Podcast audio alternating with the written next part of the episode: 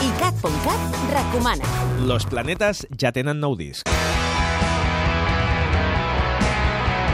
La banda granadina publica Dobles Fatigues, el seu primer disc després de gairebé 5 anys de silenci. El seu llarga durada, una òpera egípcia, data de 2010 i ara J i companyia embruten el seu so més que mai, no en un altre llarg, sinó en un EP de quatre cançons que avui mateix ha estat el disc del dia al programa Els Experts. Recupera-ho a ICAT.cat. Los Planetes presenten aquest disc el dia 22 de maig a la Sala Apolo de Barcelona.